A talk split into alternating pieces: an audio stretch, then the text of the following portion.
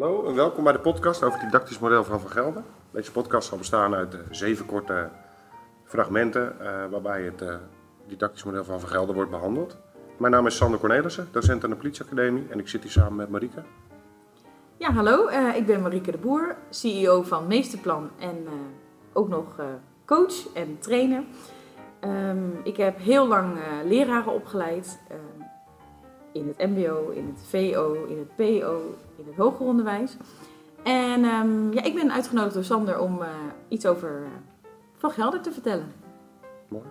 Dankjewel, welkom. Dank je En ehm, voor de luisteraars veel plezier met deze podcast. We gaan het eh, hebben over de beginsituatie uit het model van Vergelden. Ehm de beginsituatie in ons werk, en ons werk bedoel ik mee de rijopleiding, eh, bestaat eigenlijk uit twee componenten. We hebben de beginsituatie van een student. ehm, wie zit daar, wat voor persoon, hoe oud is iemand, waar komt hij vandaan, eh, wat weet hij al van het onderwerp waar we het over gaan hebben. Denk bijvoorbeeld even aan keren. Maar we hebben ook de beginsituatie zometeen in de auto. Dus de student eh, laat je rijden, je doet in feite een nulmeting. En dan weet je ook hoe die het uitvoert qua beginsituatie het keren. Dus we hebben beginsituatie theoretisch. En we hebben in dit geval bij ons de beginsituatie praktisch. En dan hebben we het over de student. Als docent heb je natuurlijk ook een beginsituatie. Marieke, misschien dat jij daar wat over kan vertellen? Ja, als eh, docent ehm, ja, stap je ook op met het goede been of met het verkeerde been uit bed. Eh, ehm, je komt eh, een les in en voel je goed, heb je veel energie of, of, of, of lukt het juist eventjes niet zo goed die dag. Zijn allemaal dingen waar je toch eh, rekening mee, houdt, eh, mee moet houden en waar je, die ook effect hebben op de rest eh, van je les. En ehm, ja, vooral die voorkennis, Sander, waar jij het over had, van wat weet iemand al? Hè? Wat weet een student al die bij jou in die auto stapt of die bij jou in de klas zit? Soms heb je meerdere studenten in je auto zitten of meerdere studenten in je klaslokaal. En de een weet heel veel en de ander weet heel weinig. En dan kun je wel denken, ja, nou ja, ik heb mijn lesprogramma en ze doen het er maar mee. Dat kan je denken, maar dan sla je eigenlijk voor allebei of alle, alle studenten net even de plank mis. En als je er wel rekening mee kunt houden van tevoren van, oh, maar die weet al heel veel. En, en dus daar moet ik even in de, in, mijn, in de rest van mijn les wat meer voor aanbieden. En diegene die het nog zo lastig vindt, daar ga ik, eh, ik, ik regel even 10 minuten, zodat ik daar met diegene dat stukje nog even wat extra kan oefenen. Hè. Dus, dus als je dat heel helder hebt, hoe zit iedereen erbij, wat weet iedereen al, wat kan iedereen al, dan ehm, ja, dat, dat, dat, dat gaat je hele les eh, gaat dat door. En, en dat, als je daar een beetje op kan afstemmen, dan is je les veel succesvoller, denk ik, dan, ehm, dan als je dat niet doet. En dan kun je ook je doel daar eventueel op aanpassen, denk ik. Hè? Zeker, ja, zeker. Je kan zelfs verschillende doelen stellen als je dat zou willen, voor verschillende studenten. Ja.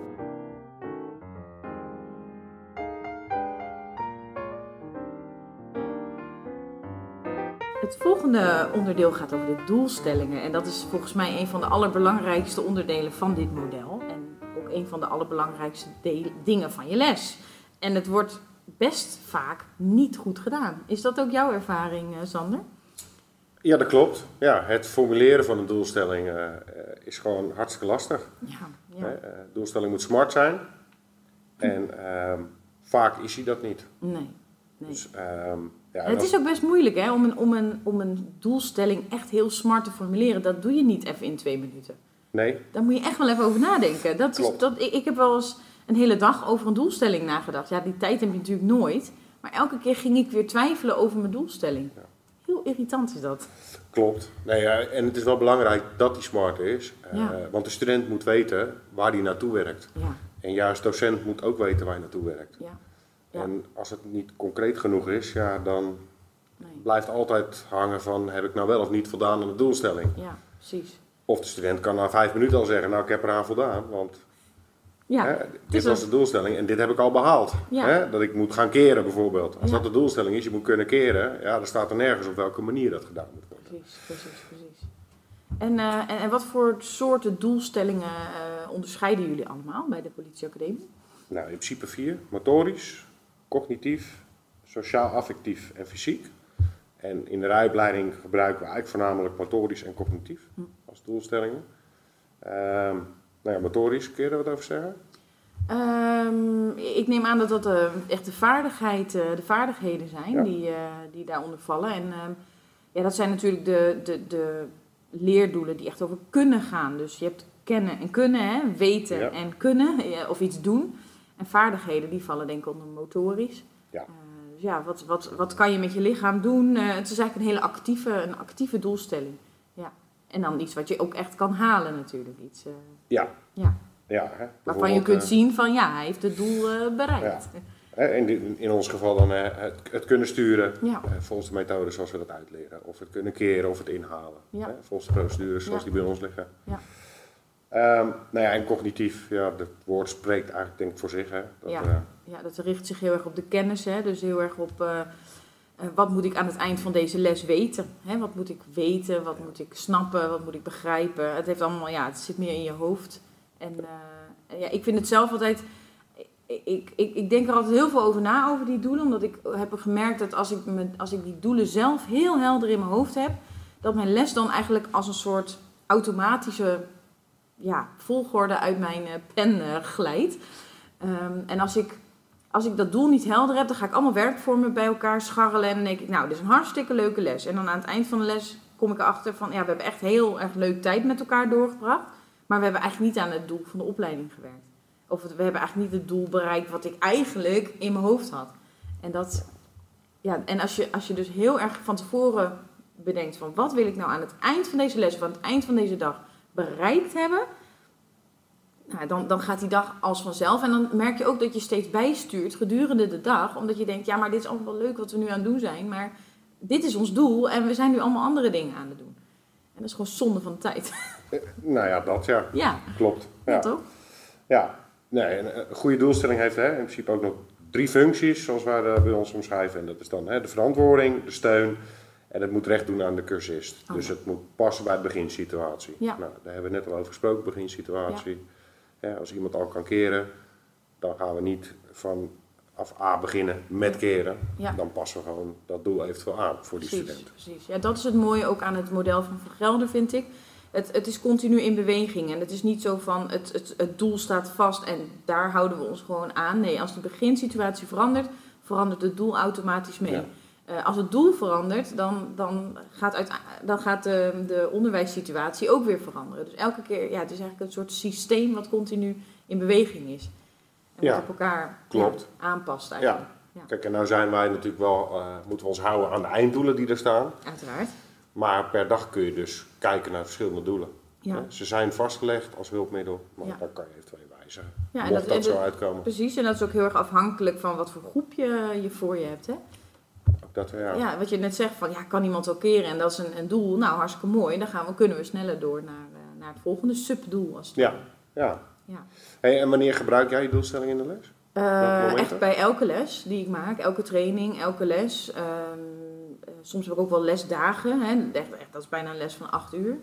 Ehm, sommige mensen zeggen dat kan niet, dat is veel, dat is veel te groot, veel te, veel te lang. Maar ja, ik, ik, ik heb het best vaak eigenlijk. En volgens mij jullie ook. Hè? Jullie hebben ook best Ja. vaak lange lesdagen. Ehm, en het kan natuurlijk wel zijn dat je meerdere doelen voor een dag hebt. Dat, dat, dat, is, dat kan heel goed. Eh, maar het, het helpt wel als je studenten aan de voorkant, hè, aan het begin van die dag, weten van, oh, aan het eind van deze dag kan ik, als het goed is, goed keren op de weg. Eh, ik weet precies hoe mijn spiegels in moet stellen. Eh, ja, je Ja. kan het zo gek niet bedenken. Hè. Eh, In andere sectoren, ik, ik kan vandaag een cake bakken aan het eind Ja. van deze dag, noem maar wat. Ehm, en als, ja, dat, dat werkt vaak heel motiverend ook voor studenten. Hè? Dat ze weten van, oh, maar kijk, een toetsdoel is heel groot en vaak heel abstract en gaat over acht weken. Maar als je weet van aan het eind van deze dag kan ik dit en weet ik dat, dat kan heel motiverend werken om ook eh, nou je kop erbij te houden en, eh, en continu goed mee te blijven doen. Ja, dus ik begrijp dat je aan het begin van de dag komt, komt je doelstelling erbij. Ja, zeker. Aan het begin van de dag, eh, daar, ja, daar presenteer je hem als het ware. En je kan zelfs studenten daar nog wat inspraak in geven. Dat Ja. zegt van, oh, maar dat weten we al lang. We willen graag daar wat meer op focussen. Nou, dat is prima. Dat is hartstikke mooi ook juist. Eh, en natuurlijk aan het eind van de dag eh, komt je doelstelling weer terug. Want dan ga je kijken, heb ik dat doel nou gehaald? Ja of nee? Weten de studenten nu echt wat, ik, wa- wat het doel, weten ze, de kennis en kunnen ze de vaardigheden?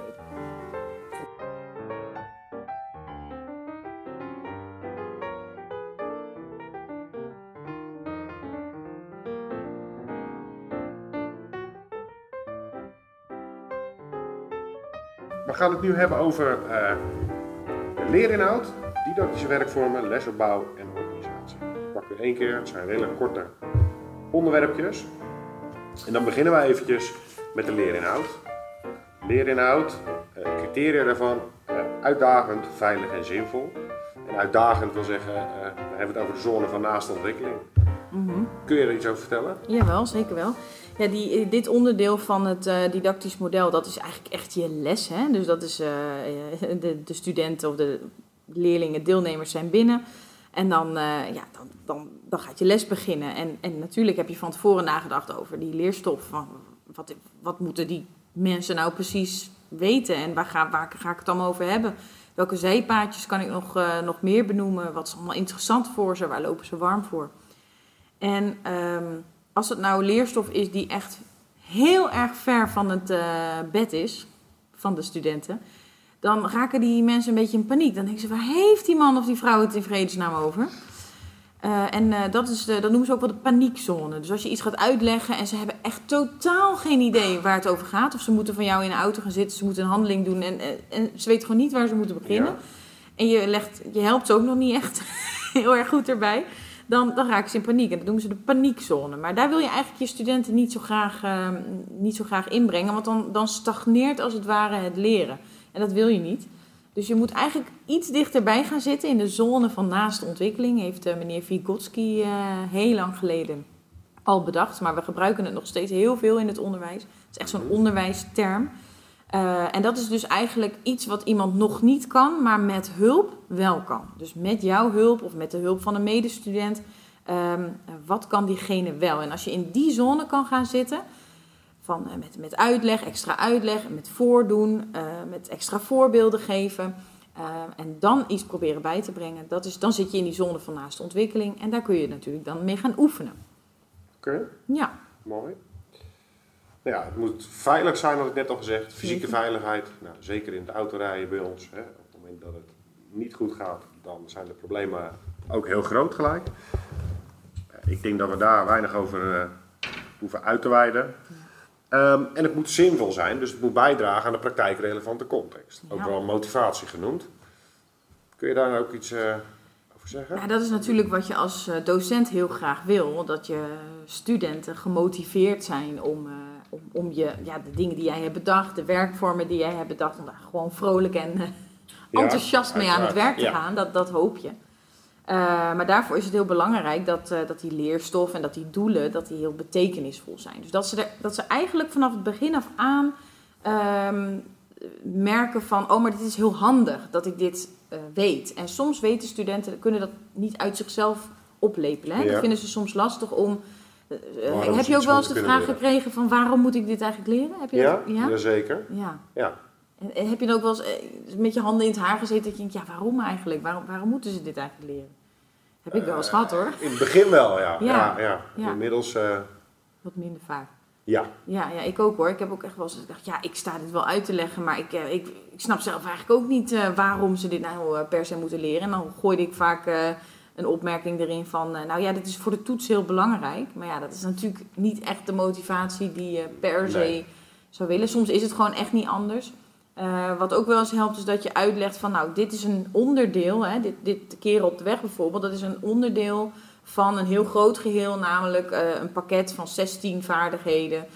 die je alle 16 glansrijk moet, moet kunnen. En ook die heel handig zijn als je het snel kan, want als je achter een boef aan wil, weet ik wat. Nou ja, hè, ik, ik, ik uh, hoor niet bij de politie, maar ik, ik, dat is wat ik dan bedenk van, oh, dat je heel goed en snel en nou, veilig ja, kan keren. Gelijk, met keren, ja, weet je, in het werk zul je straks een keer achter een auto aan willen die je tegemoet komt. Of je krijgt een melding dat je de kant op moet. Dus die motivatie in die zin is heel makkelijk. Ja, ja. Uh, de motivatie over bijvoorbeeld sturen, van waarom sturen we zoals we sturen, ja. dat is een stuk lastiger uh, oh, ja. te verzinnen, zeg maar, in eerste instantie. Voor studenten ook. Mm -hmm. want zoals studenten het zelf doen, gaat het toch ook goed. Oh ja, ja, ze komen echt, ze zitten wel recht op de weg.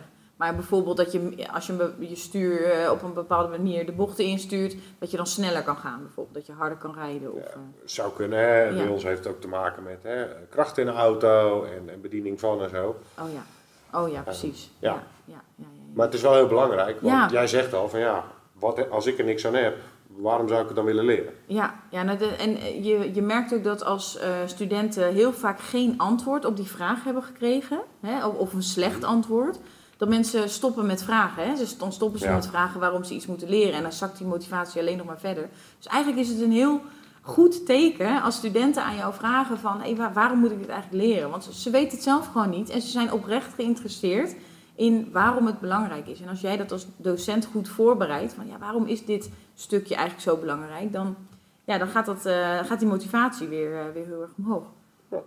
Nou, mooi. Oké, nou, dus de leerinhoud. Ja. Uitdagend, veilig en zinvol. Ja. Dan gaan we door met de, de lesopbouw. Ja. Ja, die bestaat eigenlijk uit drie delen. Hè? Inleiding, kern, afsluiting. Mhm. Nou, de inleiding, ik heb het meestal in de inleiding over mijn doelstelling, mijn motivatie en uiteraard hè, even het beginpraatje, het welkom eten enzovoorts. Ja, soms kun je daar ook een werkvorm aan eh, koppelen. Hè? Van eh, eh, even, eventjes inchecken of eventjes een gekke energizer. Of eventjes gewoon in de sfeer van de les komen. Ja. Dat, hoort- dat hoort heel erg bij die inleiding. Ja, Nou, de kern, daar hebben we het eigenlijk over van eh, wat moet je ze brengen ja. om aan het doel eh, te voldoen, zeg maar. ja vaak eh, is een, is een goede opbouw. eh, je gaat eerst wat uitleggen. Dan check je of die uitleg is overgekomen.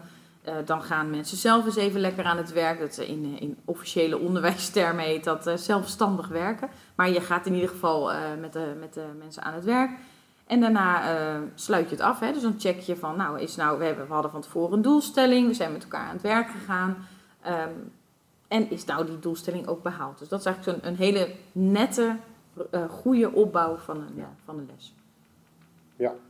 Oké, dus eh, lesopbouw is eigenlijk inleiding, kern, afsluiting. ja. Nou, dan hebben we in het model ook nog eh, de didactische werkvormen. Hè, binnen de politieacademie hebben we eigenlijk in, in deze opleiding over drie soorten. De voordrachtsvorm, interactie en de opdrachtsvorm. Nou ja, de voordrachtsvorm is eigenlijk, ik als docent ga staan te vertellen Ja. aan de groep. Eh, breng ik de stof over. Ja.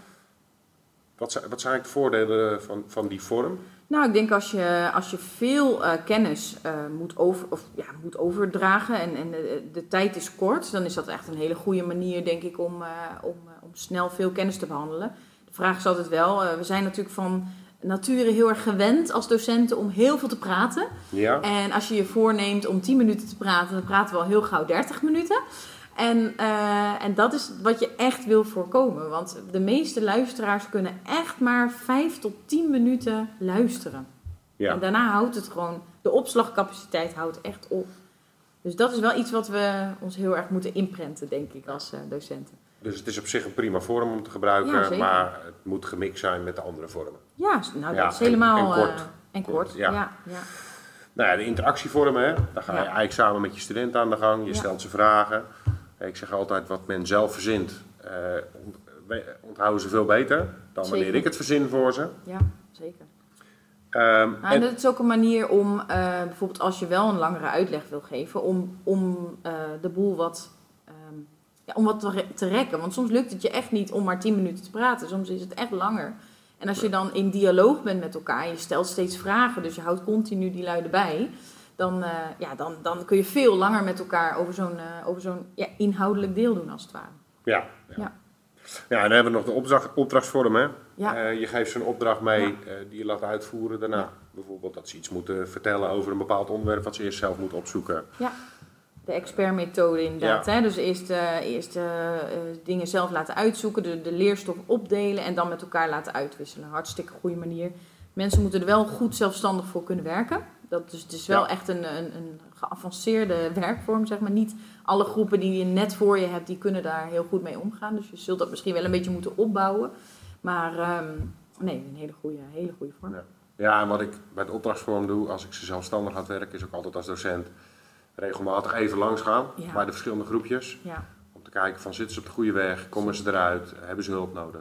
Want vaak blijkt dat wel dat ze gewoon nog dat kleine beetje ondersteuning wel prettig vinden. Ja, en soms ook kun je ze net even in een, in een richting Ja, duwen van, juist. oh, maar dan halen ze er nog meer uit. Hè? En dat is, eh, dat is het mooie aan het werken in, eh, in groepjes.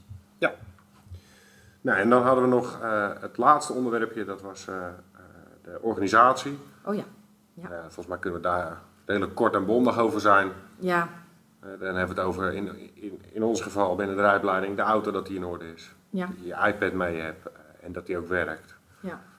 In jouw geval zal het zijn eh, je computer, je Ja. stiften, Ja. je opdrachten, die extra opdrachten wat je hebt. Ja, of als ik iets. eh, ik, ik, ik probeer altijd aan het begin van de les even iets mee te nemen, iets heel tastbaars mee te, mee te nemen.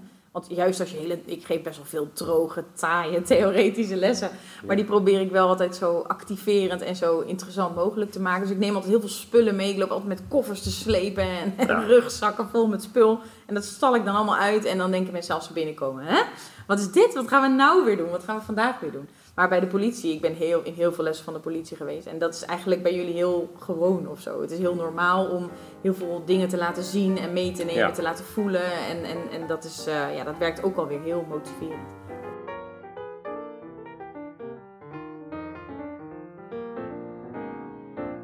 Nou, ter afsluiting, hè, als we kijken naar het didactisch model, dan hebben we nog eentje openstaan. Dat is de evaluatie. Daar Ja. gaan we het over hebben. In dit geval hebben we het over eh, product en proces. Nou, Ja. Die eh, valt dan in de afsluiting van de les. eh. Product, dan gaan we het hebben over de doelstellingen. Die we Ja. ochtends of aan het begin van de les ook benoemd hebben. Ja. Om te kijken of we die behaald hebben. Ehm, Ja, en dat is echt heel belangrijk hè, dat, je dat, dat je dat doet. Als je van tevoren een doel stelt, dat je er dan ook op terugkomt. En dat heel veel docenten, die vergeten dat eigenlijk. Van, van, ah, of, het, of het komt er niet meer van en je hebt heel veel gedaan. Eh, maar als je, als je echt zo strak met je doel begint, dan kun je ook heel... En als je doel goed is geformuleerd, dan kun je ook heel mooi daarop terugkomen. Van, hebben we het nou gehaald? Weet je nu wat je moet weten? En kun je nu wat je moet kunnen? Ja. Wat we ons hadden voorgenomen aan het begin van deze les. Klopt. En een groot voordeel daarvan vind ik dat de student zelf, als het goed is, kan verzinnen of die wel of niet voldoet aan het doel. Zeker. Dus voor jou als docent wordt het een stuk makkelijker als Ja. het slecht nieuws is, Ja. als hij het zelf vertelt. Ja. Plus een student kan nog s'avonds misschien of de volgende dag Ja. toch nog even wat extra stappen zetten om wel te voldoen aan het doel wat, wat eerder gesteld was. Ja, ja, nog even nog een keer eh, een filmpje kijken, nog even de podcast Ja. luisteren, nog even de boeken induiken. Van hoe, hoe moet ik dat nou eigenlijk doen? Dat is wel gelukt en dat stukje van het doel is niet gelukt.